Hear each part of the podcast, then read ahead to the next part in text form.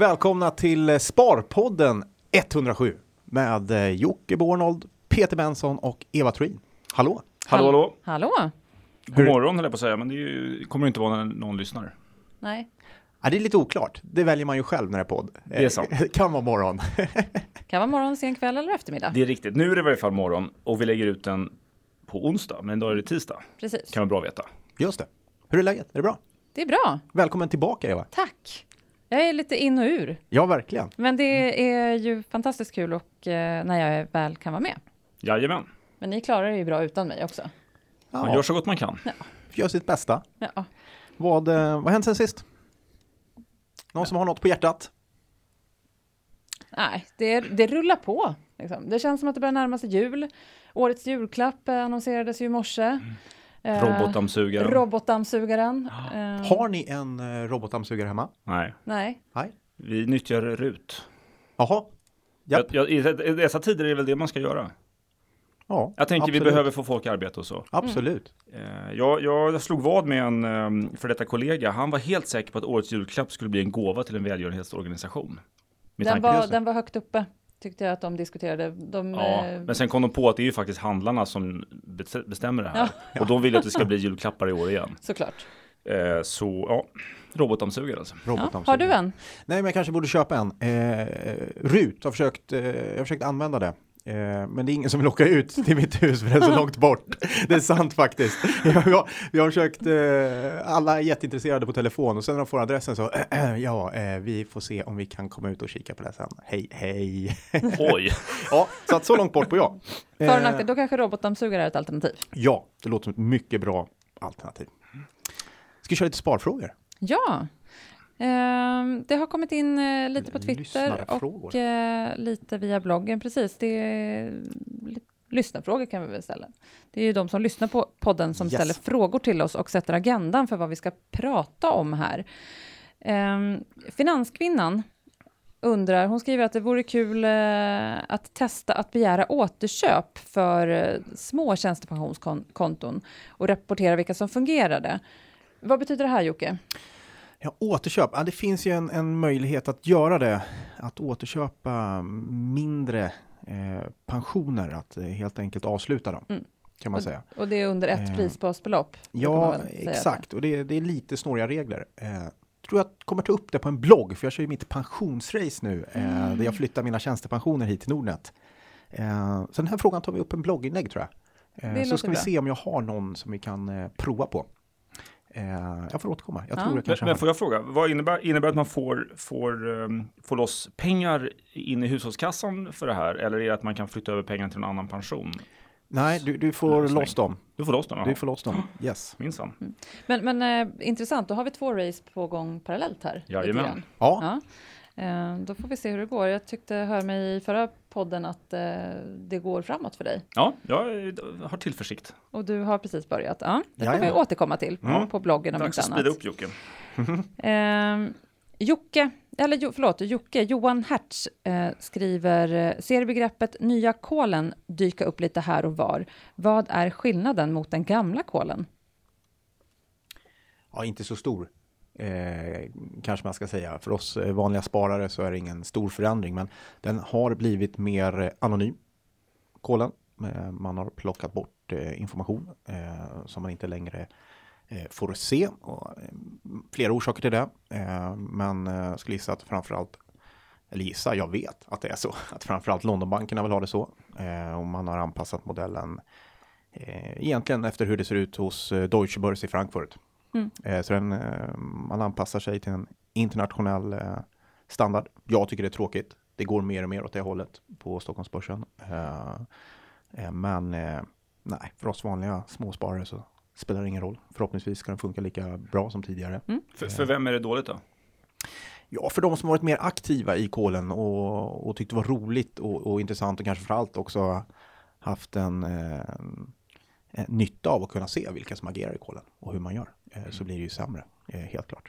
Det finns några också andra saker, man inför randomisering i öppningskol och så vidare. Det är mer, pratar man om anti-gaming och sådana saker, men det, det är lite överkurs. Men lite små förändringar. Lite små förändringar. Det var ändå ett, ett bra svar tycker jag. Sen har vi Glasnost, tror jag han heter här, som undrar lite grann, han är lite sugen på att gå in och handla fonder och vill ha då exponering mot lite mer exotiska marknader. Nu kommer det lite frågor kring fondavgifterna då. Ehm, och då undrar han vad som skiljer förvaltningsavgiften mot den årliga avgiften. Just i det här fallet tog han ett exempel på en eh, förvaltningsavgift på 2,5 respektive en årlig avgift på 2,66. Och vad är det som skiljer de här två? Eh, förvaltningsavgiften, hoppas jag tolkar det här rätt. Förvaltningsavgiften är en bestämd årlig avgift eh, som fonden tar ut. Men kostnaden totalt i fonden kan vara högre. Det är transaktionsavgifter och, och lite allt möjligt. Mm. Eh, så den totala kostnaden i en fond brukar bli lite högre än, än, än avgiftsuttaget som tas ut mot kund. Jag eh. undrar om det är det som är, för här är bara skillnaden 0,16 procent och vi pratar om en Vietnamfond, Tundra Vietnam. Så att transaktionskostnader och grejer måste ju vara väsentligt högre än bara 0,16. Beroende på hur aktiva de är då i fonden.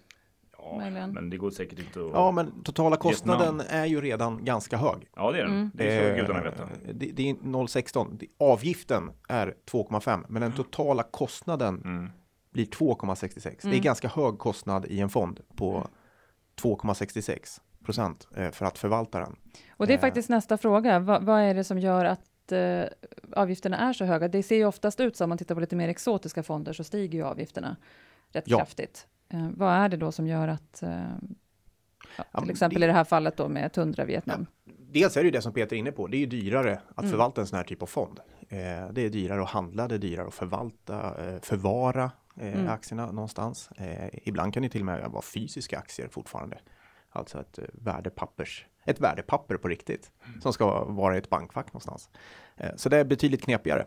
Ehm, sen tror jag att man passar på att ta ut lite mer också förstås mm. eh, i den här typen av fonder. Eh, helt klart. Det är en, en högre marginal. Mm. Men här kan man väl också det är inte lika hög konkurrens.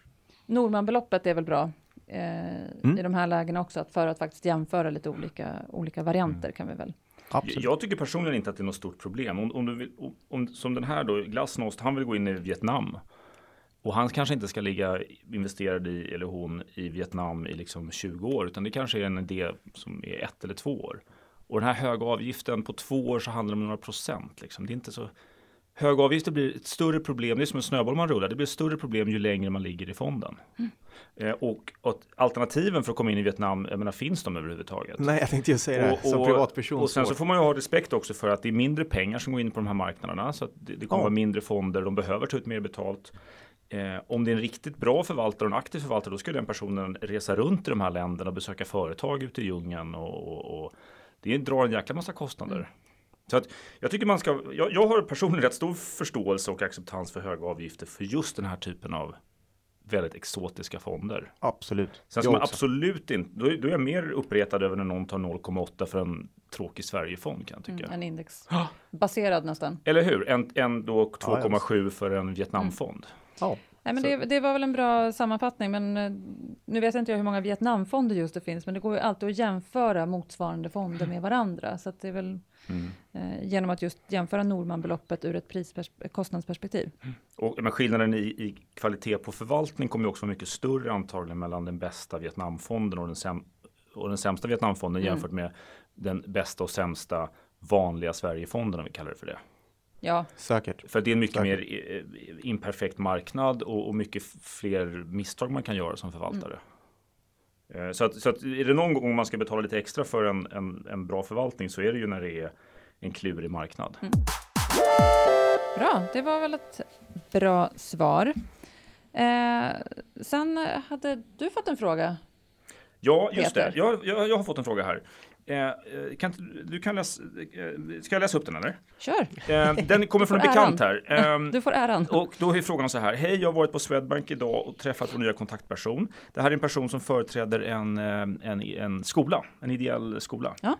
Eh, jag har placerat pengarna i räntefonder med tre månaders bindningstid tills det blev sämre tider för det och styrelsen skulle titta på alternativ. I bifogade fil, fil finns två alternativa tips till lite tryggare placeringsalternativ. Givetvis finns det även en risk att ta i beaktning. Vi har en hel del pengar som skulle kunna placeras. Nu sitter de på ett konto som ger 0,1 procents ränta just nu. Har det gått, Lena? Alltså de har ganska mycket pengar som de inte har omedelbar användning för och de är inte nöjda med 0,1 procent. Banken har föreslagit då två stycken blandfonder. Access, Swedbank Access Trygg och Swedbank Premium Försiktig. Mhm.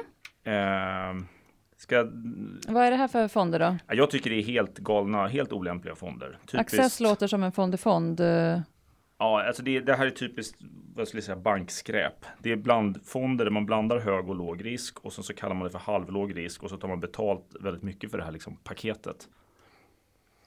Eh, det är mycket bättre att, de, att den här skolan bara inser att det finns ingen gratis, liksom, gratis hög avkastning där ute med de här räntorna vi har och, och det är bara att inse det.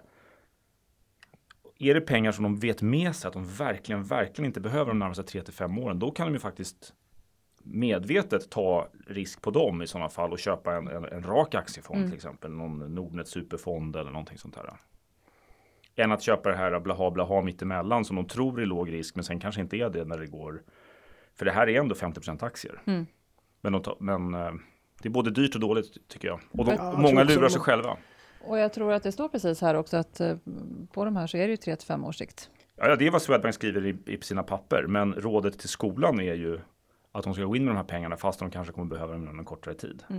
Så Det är, jag- jag det är ett tycker inte ganska dåligt råd. Och här har vi ju varit inne och tassat lite förut, just det här kassa hos eh, föreningar, Mm. eh, eh, företag här, den här typen av skolor, eh, sådana typ av eh, bolag eller föreningar där man har en kassa att förvalta och nu blir det ingen avkastning på kontot. Det blir 0,1, det är nästan bra eh, i det här läget. Och då är frågan, ska man acceptera det? Eh, och inse att så, det är så det ser ut. Eller ska man börja ta risk? Ja. Eh, och det där är ju ett jättestort steg att ta. Ja, Jag, jag tycker det Ja. är glasklart. Alltså den, här, den här ideella föreningen, eh, de ska driva en skola. De ska inte hålla på och placera en kassa. Nej, Eh, och, och det man jagar är väldigt lite pengar också. exakt. Är det en miljon så är en procentenhet till 10 000 spänn. Det är inte mycket. Men det kan gå rätt dåligt och det kan bli rätt dålig stämning i den här föreningen kan jag säga. Om man skulle tappa 20 procent helt plötsligt. Mm. Vilket är fullt möjligt. Just det. Sen måste man säga att ligga i räntefond nu kommer inte generera någon större avkastning eh, som det ser ut. Eh, Nej, till och med tvärtom. Mm. Eh, jag kikade inte allt för länge sedan på hur det har gått för de svenska räntefonderna eh, på Morningstar och då har ju eh, räntefondskollektivet, det går ju back just nu. Eh, framförallt obligationsfonderna har jättesvårt. Eh, och är räntan på väg upp så kommer det bli ännu svårare. Ja. Så och det kommer ju drabba de här blandfonderna också som eh, jobbar med just eh, räntor och aktier. Så nej, jag skulle, jag skulle undvika den. Ja, men man måste ju inse att det här har ju världens centralbanker bestämt. Fed, Riksbanken, Bank of England, ECB, allihopa bestämt. Man ska inte få någon ränta på sina pengar. Eh, och att då tro att en enskild liten skola eller en liten idrottsförening ska kunna på något sätt runda det här. Eh, det är bara att glömma. Mm. Man får bara leva med att vi lever i en värld utan ränta. Ja, man får Så förlika sig med det. Jaha, lite man får förlika sig Ja. med det. Det Alltså, får det är göra. hårt men sant. Bra! Ja, men det var väl ett eh, tydligt eh, svar på frågan. Tråkigt men tydligt. Tråkigt men tydligt, men det är, den, det är det läget vi är i. Och jag Mm. vet att vi pratade räntor faktiskt i tidigare avsnitt i augusti om man, just räntefonder och vad, vad som sker. För nu pratade vi väldigt kortfattat Mm. om när räntan går upp att, att eh, kursen Ja, precis. Eh, när räntan stiger så sjunker ju värdet i Mm. obligationsportföljen och det där är svårt och, och framförallt i obligationer som har en lång eller en längre, ja man pratar om duration och så vidare. Så ehm, en lång löptid kanske man kan säga. Så kompenseras inte ränte, den höjda räntan av fallet i priset på obligationerna. Så att det, det är supertufft. Å andra sidan, när det går åt andra hållet, när räntan är på väg ner, så, så går ju portföljen upp. Och det har man ju haft ett, stöd av eh, under många Mm. år i räntefonderna. Och det stödet är borta. Och nu går vi snarare åt andra hållet. Nu, Men vill man fördjupa sig så finns det lite Sparpodden-pass Mm. tillbaks i tiden om man vill lyssna mer Yes. på räntor. Snyggt! Var det alla frågor eller? Ja, Ja, vad bra. det var de vi plockade upp till den här veckan. Vad händer i sparvärlden då? Det är ju IPOer får man säga. Det har vi pratat om förut och de fortsätter att ramla in nu. Ja, nu dundrar det in faktiskt. Hela året har ju varit Ja, det var, men det var några veckor i varje fall efter sommaren då det var väldigt lugnt. Men Mm. nu har det verkligen lossnat. Mm. Eh, jag var och träffade Scandic förra veckan och, och har tittat lite på Dometic och Attendo också. Och det är väl de tre stora som nu är på gång. Jag har jobbat på Scandic. Har du? Är det någon slags, eh, gör du mig till insider? Var du sån här uh, Spiro eh, Piccolo eller vad gjorde Ja, du? lite, bland annat. Ja. Bland annat. Jag har gjort allt på hotell. Ja. Eh, mest eh, jobbat natt. Mhm. Vad, Jag gör, också vad gör man på natten på hotell? Kolla videofilmer. Jag, jag har skrivit på avtal att jag inte får, får berätta det. Okej, det låter spännande. jag har också jobbat natt på hotell. Jag såg sjukt mycket videofilmer då. Ja, Nattportier just det. heter det. Så när det kommer sena, lite berusade gäster klockan tre på natten så Ja. ska man släppa in dem. Och sen kan man gå tillbaka till sin videorulle. Exakt. Det var bra. Vad tror du om eh, Vad har det med Scandic-emissionen att, vi bo, påverkar? att vi båda är väldigt insatta i branschen? Ja, vi är och eh, kan lägga en bra analys på Scandic. Känns lite tveksamt. Ja, lite tveksamt kanske. Mot den bakgrunden, men annars tror jag säkert att ni kan göra en bra analys av Scandic. Nej, men både, så, om man ska säga några ord om det så är ju både Dometic och Scandic kommer ju från e EQT. Eh, och EQT är ju kända för eh, att i närtid ha försökt börsnotera Candy King som vi har pratat om. Det gick inte så bra. Sen har de ju fått ganska mycket skit för att deras vd Thomas von Kock börsnoterade eh, Bactiguard som var ett privat innehav. Men, men det har liksom stängt väldigt mycket på Thomas von Kock och delvis då också EQT för Bactiguard har gått fruktansvärt dåligt, ner typ 70-80 procent. Eh, och jag tittar på Dometic, jag tror det kommer bli ganska bra. Eh, de gör sådana här kylskåp och grejer till husbilar och båtar. Och alltså, Just det. Mm. det, är, spe- det är speciella kylskåp helt enkelt. Så de, det är som ett Electrolux och de gör även massa annat. De gör toaletter och diskmaskiner och massa saker, ventilation. Det är lite som ett Electrolux fast för eh, husvagnar och båtar. Eh, jag vet inte om det är någon kanon business på tio års sikt, men det där kommer nog ganska bra. Jag, jag tror att om, man är, om jag vore EQT så skulle jag vara livrädd för att inte båda de här går bra. Eller åtminstone en av dem måste gå riktigt Mm. bra. För annars har de liksom tre, fyra pinsamheter i rad bakom sig i IPO-sammanhang. Om man räknar in stackars Bactiguard då. Mm. Så det kommer inte funka. Men då blir man lite förvånad, för när man tittar på Scandic då, som är Nordens största hotellkedja, den tycker jag ser dyr ut. Mm. Vi får väl se, det blir spännande. Varför? Varför tycker du Scandic ser eh, dyr ut? Nej, men de, de har aldrig tjänat mer i närtid eller liksom i min, sen Hedenhös har de inte tjänat så mycket mer än 2, 3, 4 procent. Eh, Nu går de till börsen och säger att vi ska tjäna ja, lite omräknat 7-8 procent. Det låter inte så mycket, men det är väsentligt över vad de har legat historiskt. Jag säger inte att de inte klarar det, men det är liksom det är lite. Det är inte någon självklarhet. Eh, och, och jag har inte riktigt fattat skälen och jag har ändå suttit med ledningen ett tag och, och pratat med dem och sådär. Så eh, ja, vi får se. Jag, jag, jag kommer nog inte. mm, Jag har inte 100% satt ner foten, men jag tycker det ser lite risat ut. All right. Vi får väl se. Mm. Men Vi sen, får följa upp eh, dem, sen har vi Attendo också, det är kul. Mm. Har ni kollat på det? Ja, men det... Ja, jag har koll på det. Jag har koll på det också, lite grann. Och framförallt så har jag koll på att det är ett väldigt tryck på Attendo. Är det det? Ja, ett otroligt tryck eftersom vi har den hos oss. Just man kan teckna den Vi via kan teckna den Nordnet. via oss. Ja, Så att det är både i Finland och i Sverige ett extremt tryck. spännande. Och det är väldigt lite aktier till salu har jag förstått. För 80% var kingat av massa tunga Mm. eh, hedgefonder och Nordstjärnan. och Nordstjärnan andra. verkar gå in och ta en stor del där. Ja, det där kommer nog gå bra. Mm. Vad Mm. tror du om den då? Eh, jag, jag känner han vd ganska väl och, och han är, ju- har ju supermycket energi och jag skulle gärna sätta pengar på att han kommer fortsätta göra ett bra jobb. Så jag, jag kommer nog teckna. Mm. Absolut. Och, och sen så menar, det finns ju makrotrender här. Alltså, samhället Mm. kommer ju behöva mer sånt här och inte mindre. Sen så tar ju de betalt och vill tjäna pengar, men de gör det ändå effektivt och, och ja, det, det är bra med lite konkurrenstryck tror jag. All right. Så Dometic och Attendo verkar bra. Scandic är mindre bra. Scandic Typ dyrt. I Dometic har ju racet redan gått, men jag tog mer upp det för att det hänger Mm. ihop med Mm. sista teckningsdag har varit för allmänheten. Just. Mm. Ja, vi får se då. Mm. Spännande. Bra. Ska vi gå över till eh, veckans tema lite grann? Vi tänkte prata lite tillväxt och lite eh, konjunk- konjunktur. Eller brist på tillväxt. Ja, Ja, tillväxt, upp eller ner. Det ena upp eller eller andra. Ja. Ja. Är det av eller på? Både du och jag Jocke hade ju fastnat vid det här äh, råvarupriserna. Att, eh, Baltic Dry Index och sånt där. Mm. Vad är det som, eh, ja det är mycket snack kring råvaror just nu. Vad, eh, hur ser det ut för råvarupriserna? Är de, ehm, Ja, men, Uppåt, neråt? De är ju neråt. Ja. De, de, slog, de slog ju alltså ett, ett sånt här brett råvaruindex då som samlar ihop en massa olika råvaror slog ju en lägsta nivå i veckan som gick. Lägsta nivån sedan 1999. Oj. Ja. Det är ganska lågt. Um, och då har vi haft en supercykel uppåt och en jättedjup finanskrasch mm. neråt. Och nu har de smugit ner och ligger alltså då, eller var neråt åtminstone, under nivån från finanskraschen, eller finanskrisen. Men vi har väl sett den här trenden under en tid? Ja, oh ja. Så vad liksom, tror vi att det kommer gå ner ytterligare eller vad, vad, ser, du, vad ser du framåt? Är det ljusnare eller är, det, är vi på väg? Jag ser ingenting framåt, jag bara konstaterar.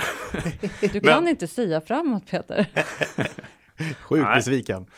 Um, Men de här eh, indikatorerna då, eller index, Baltic Dry, Ja, precis. Ja, men det finns ju ett, det finns ett, antal, ett par sådana här eh, som man brukar säga har extra stor spårkraft då, apropå sia framtiden. Ja. Och, och, Baltic Dry Index är ett sånt där. Och det är, det är ett index eh, som mäter kostnaden för att frakta varor eh, torrvaror, alltså det kan vara ja, alltså, eh, skeppsfrakter. Eh, och det här rör sig väldigt mycket upp och ner och man brukar säga att det är en väldigt stark indikator för om det är ett bra tryck i världsekonomin. Är det många som vill frakta grejer från Kina till Europa eller från Europa till USA eller si och så.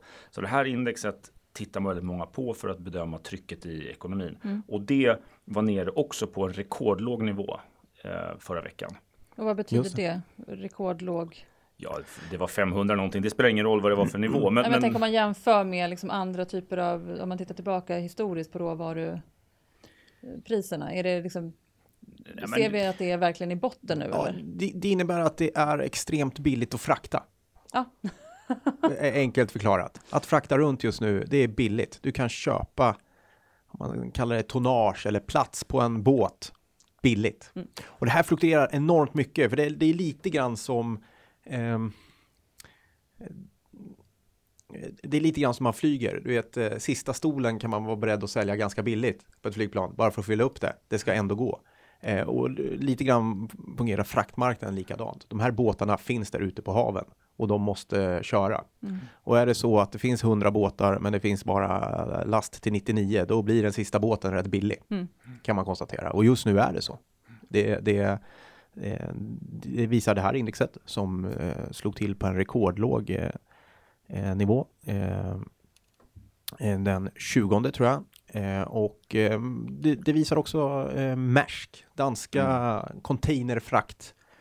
Containerfraktbolaget. Mm. Eller de gör väldigt mycket mm. Maersk, men de är världsledande på containerfrakt. Bland mycket annat. Eh, bland mycket annat, ja. Eh, och det är också en bra indikator och de har ju också sett att eh, de har drabbats jättehårt av mm. att eh, möjligheten att ta ut betalt för att frakta containrar har sjunkit rejält. Eh, har med massa saker att göra. Det är bland annat så Eh, är det fler som konkurrerar på den marknaden. Mm. Men framförallt så är det så att det fraktas mindre varor.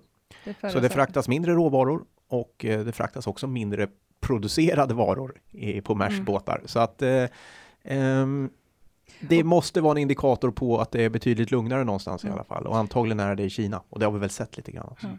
Så jag tänkte precis på det. Hur, eh, om man går till sparare då, hur ska man, hur ska man tänka eller vad ska man göra? Ska man bry sig om det här överhuvudtaget? Ska man, vad kan man använda den här informationen till? Ja, men det, det, det är ju så här, när vi går runt i, i, Sverige och tittar oss omkring så tänker vi inte på det här som någon lågkonjunktur. Vi kanske inte tänker på det som en bommande högkonjunktur heller, men vi tänker att det är ganska bra tider ekonomiskt. Eh, samtidigt så slår de här då väldigt viktiga indikatorerna i botten. Mm. Råvarupriser, eh, fraktefterfrågan är låg och många säger då att de här blickar framåt. De här pekar på vad det är som kommer, vad vi kommer märka i vår vardag. Så att, eh, jag tycker den rimliga slutsatsen är att man, man ska inte ta knasigt med risk helt enkelt. Ja, ja. men en, en, parameter att följa upp. Eh, är man intresserad så um, vi får helt enkelt fortsätta och se hur det går. Framförallt, eh, jag tror att mycket kan härledas till Kina. Eh, och vad som tillverkas där eller inte. Så att, eh, nej, det är väl fortsatt fokus på det. Det låter lite bäsigt tycker jag, men om vi på tillväxtsidan. Vad, om vi tittar till Sverige då, nu har vi tittat på råvaru priserna. Eh, Men om vi tittar på tillväxten i Sverige, vad säger ni om den då? Ja, den, om man kollar så här BNP så kommer det antagligen växa väldigt mycket i Sverige Mm. jämförelsevis. Eh, det är ju många som reviderar upp tillväxten nu, men, men det beror ju tyvärr inte på de skäl som vi vill se. Det vill säga att det går bra för företagen och efterfrågan stiger och sådär. Utan det är för att efterfrågan stiger på basic saker för att vi har liksom ett väldigt stort migrationstryck och, och, och vi har flaskhalsar i ekonomin och sådana här saker med kring boende och annat. Eh, Så det är liksom det är inte den, den bästa sortens tillväxt kan man väl säga. Nej, det, men det finns ändå tillväxt. Vi har ändå tillväxt. Eh, och vet inte vad den kommer landa på i år. Vad har vi för prognos? 3 procent kanske, någonstans där. Eh, och den kommer säkert skruvas upp. Eh, sen är det ju så att den, den stora invandring vi ser nu kommer också driva upp tillväxt, tillväxten. Eh, sen kan man fundera på sikt. Eh, lyckas den BNP kommer säkert fortsätta öka. Kommer vi lyckas öka BNP per capita? Eh, är också en, en, Mm, ett mått. En annan indikator. Och, och det är BNP per person i Sverige. Ja, den kommer bli tuffare antagligen. Det kommer inte bli lika lätt.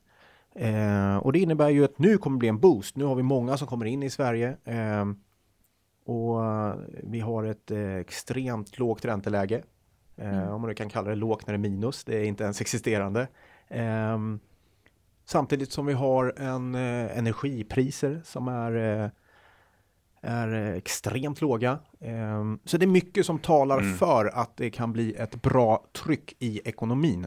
Fast då, återigen, alltså, Ehm. det, jag tycker du är inne på något bra där Jocke. Det är intressant. Vad, vad menar vi med bra tryck? För, för eh, jag kollade på det här faktiskt nyligen och eh, eh, vet ni hur mycket BNP per capita har vuxit sedan 2007? Nej. 0 procent. Mm. 0,0 procent. Och Mm. hur mycket väx- väntas den växa till 2018? 0,0 procent. Mm. Alltså noll tillväxt har vi där. Och med tanke på att vi hela tiden uppfinner nya saker, tekniken utvecklas, liksom varje enskilt företag blir ju hela tiden mer och mer effektivt med vad de håller på med. Så att underliggande så, så, så, att säga, ska vi ha en tillväxt, men vi har då 0 procent. Ehm, eh, och sen har vi också haft det här ränterallyt och, och konsumtionsboom och liksom folk har fått mer pengar och ändå har vi 0 procents i- tillväxt per capita. Eh, så att det, det känns ju inte riktigt bra, tycker jag. Nej. Alltså det är någonting fel när vi inte klarar att, att, att, att växa välfärden per invånare trots, eh, trots nya innovationer och trots Mm. den här låneboomen. Ja. Eh, och det här med, apropå det här med BNP och tryck i ekonomin, jag menar det, det, vet ni vilket land som ligger precis ovanför Sverige i, i BNP-ligan? Ja, det Inte är lätt att förmodligen- veta. Nej, det är Nej. förmodligen inte något vi tror ska ligga där. Nej, det är Nigeria. Ja. Eh, så, så de har en större BNP, men vi tänker inte på det som ett rikare land. Nej. Så att liksom, okej, vi- vår BNP växer, men, men what's in it for us? Så vad betyder det här då? Om man ska... Egentligen kan man säga att BNP per capita kan man säga är, är någonstans eh, upplevd tillväxt. Mm. Det är vad vi som personer kanske känner, eh, upplever, är det en tillväxt eller inte? Eh, och nej, den kommer nog vara svag. Den, om prognosen är noll så kommer man säkert skriva ner den eh, om man vågar till under noll, eh, kan jag tänka mig. Eh, så att det är ett problem. ja, Vad det händer om är ju att, att för att få igång tillväxten, och det är ju så, nu behöver vi Eh, vi kan prata demografi till exempel, är Mm. någonting som ofta Mm. dyker upp i de här frågorna och den är ju lite tuff i Sverige för vi, vi har en, en åldrande, ja, befolkningen åldras ju ständigt, det är en pågående process. Men, men, men, men- där är det ju en fördel om vi kan, alltså jag tänker på invandringen kan Ja. ju förbättra demografin i Sverige utifrån Exakt. hur det ser ut idag. Fast jag, jag tror att det där är lite av en missuppfattning. Alltså det, vi pratar om att vi, vi, vi, att, att, att, att vi skulle på något sätt ha en krympande befolkning här, men det stämmer ju inte. Jag menar, vi, vi är alla uppvuxna med att vi hade 8 miljoner människor i Sverige. Mm. Eh, och, och, och vi hade runt, vi hade 8 miljoner människor mellan det började på en 8 från 69 fram till 2004. Mm. Sen gick det över till en 9, alltså vi kom upp till 9 miljoner människor. Det var 35 år med 8 miljoner människor, slarvigt. 11 år har vi nu haft 9 miljoner människor och nu, precis nu om några månader så kommer vi gå över 10 miljoner människor antagligen. Eh, och nu igår så kom Nordea med en intressant grej. De tror att vi kommer vara 11 miljoner människor om fem år. Oj, Det är en tillväxt som är den högsta tillväxten sedan 1750 åtminstone när mätningarna började. Så att vår befolkning växer nu snabbare än på 300 år, eller 250 år åtminstone.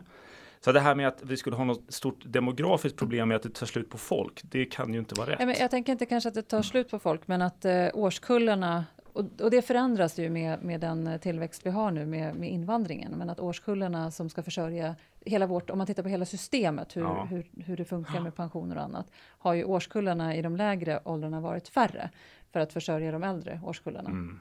Eh, så det, det, hänger ihop i hela vårt system, att pensionssystemet är fortfarande satt att du ska gå i pension vid 65 år. Och de som går i pension nu kommer leva mycket, mycket längre. Och det är färre, som det ser ut idag, som ska försörja de här alla som är passerat 65. Och det har ju varit vår utmaning i, i Sverige några år. Ja, men, men det, jag tycker, jag tycker så här, det är ett lyxproblem. Vi har ju Eh, forskning och innovation och bättre hälsa, eh, livsstil och sådana här saker har gjort att folk lever längre. Så det är, det är fantastiskt. No det är någonting bra. Och då kanske vi får lite grann också leva med att detta väldigt fantastiska får vi kanske lite grann betala för i termer att vi får jobba lite längre. Mm. Men, men, och det, är, det, det, och det är det vi kommer få göra. Ja. Ja. Garanterat. Och sen så kommer vi hitta effektivare sätt. Och, måste vi få in alla i arbete. Hur ska man vara helt ärliga? Vi har inte varit så jättebra på det. Typ det, det, det, vi är väldigt dåliga på det i Sverige. Mm. Att uh, få de som senaste tio åren kanske har kommit in till Sverige, att eh, sätta dem i arbete. Eh, det måste ju bli mycket, mycket bättre, för nu kommer det väldigt många fler. Mm. Eh, och de behövs, så vi måste se till att få in dem i, i, i det här. Om vi ska få öka BNP och öka tillväxten. Ja, eller öka det BNP som vi bryr oss om mest. Eh, eller det som hjälper oss i vardagen, det vill säga BNP per capita och inte bara BNP tutti faderutti. Exakt. Men om ska man, vi runda av eller vad ja, jag, tänker, jag bara tänkte nu när vi har pratat om tillväxten ja. och så här, ska vi på något sätt koppla tillbaka till sparare då? Om man tittar på den svenska tillväxten, vad innebär det här för, vad ska man, hur, vad ska man tänka på som sparare? Du pratade tidigare om att man ska tänka på risken, att inte ta så mycket risk utifrån eh, ja, precis. Det var väl mer konjunkturen ja, konjunktur. Eh, här närmast liksom eh, den stora världskonjunkturen. Men, men det här stora skiftet vi ser i Sverige nu med, med, med en växande befolkning, eh, men där vi kanske inte får, får någon impact i ökat välstånd per capita. Eh, ja, det är väl också någonting man ska ta hänsyn till. Jag tycker ett, ett, ett, ett tydligt grej var det du var inne på. Eh, man ska då räkna med att vill man ha en väldigt bra ålderdom så får man nog se om sitt hus själv. Mm.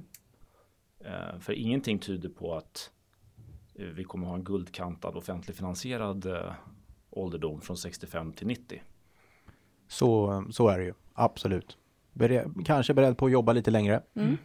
Eh, och Men det kommer vi orka, för vi kommer kanske exakt, vara friskare. Och pigga. pigga. Jajamän, det är lätt att säga nu. eh, nej men så är det. Och att man eh, tar hand om sitt sparande. Och både sparande men också kostnader kanske. Mm. Och också då kommer jag då med mitt pensionssparande, men mm. att man inte glömmer bort den delen. Att den, med tanke på det vi pratar om, att man faktiskt tänker på den, den delen av sparandet också, inte kanske bara det man eh, sparar själv, utan titta på det som arbetsgivaren sätter av och de andra pengarna som finns på PPM och annat och se till att förvalta dem väl. Så är det absolut. Mm. Och det kommer göra jättestor skillnad. Det kommer bli en enormt stor skillnad tror jag på de som eh, har jobbat aktivt med sin tjänstepension till exempel. Mm och har eh, kanske betalat in ganska mycket till den. Ehm, där kommer det bli ett stort löneglapp. Det finns ett löneglapp idag som inte är så stort i Sverige. Men eh, när den här, eh, när vi går i pension som har mycket tjänstepension så kommer det glappet vara ännu större antagligen. Eh, kommer nog vara en del missunnsamhet kring det och en debatt kring det om, om 30 år. Men mm. eh, ta vara på den möjligheten att eh, spara och vara aktiv med din tjänstepension. Det kommer att spela stor roll. Ja, det har ju hänt förr tyvärr att politikerna har liksom klöst åt sig lite av de här pensionspengarna dock. Får vi se hur det går med den saken. Ja, det är mm. sant. Mm. Det är sant. Ja, ja. Hörrni, ska vi börja runda av? Har ni något särskilt för nästa vecka? Eller kommande? Vi ska till Linköping Jocke. Ja, vi ska ju spela in eh, Sparpodden live i Linköping. För ett gäng studenter. Det Kul. ska bli riktigt spännande. Riktigt, riktigt spännande. Ja, se, vad, se vad de ställer för frågor. Mm, verkligen. Jag ska... Det är första advent i helgen. Ja, det är det. Ja, ja det är det. Tiden går fort. Sen är det, ja, det, det börjar närma sig jul. Det märker man också på jobbet. Det är mycket, mycket som ska göras nu. Event och kul grejer. Så... Mm. Good. Jag tänkte försöka läsa in mig lite på det här New Evolution som ska till börsen också. Som ja. man också kan teckna ja. via Nordnet tror jag.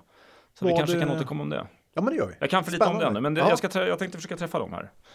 Eh, så kan vi återkomma. Då tar vi det i nästa avsnitt. Jajamän. Det gör vi. Vad bra. Tack så mycket. Tack för idag.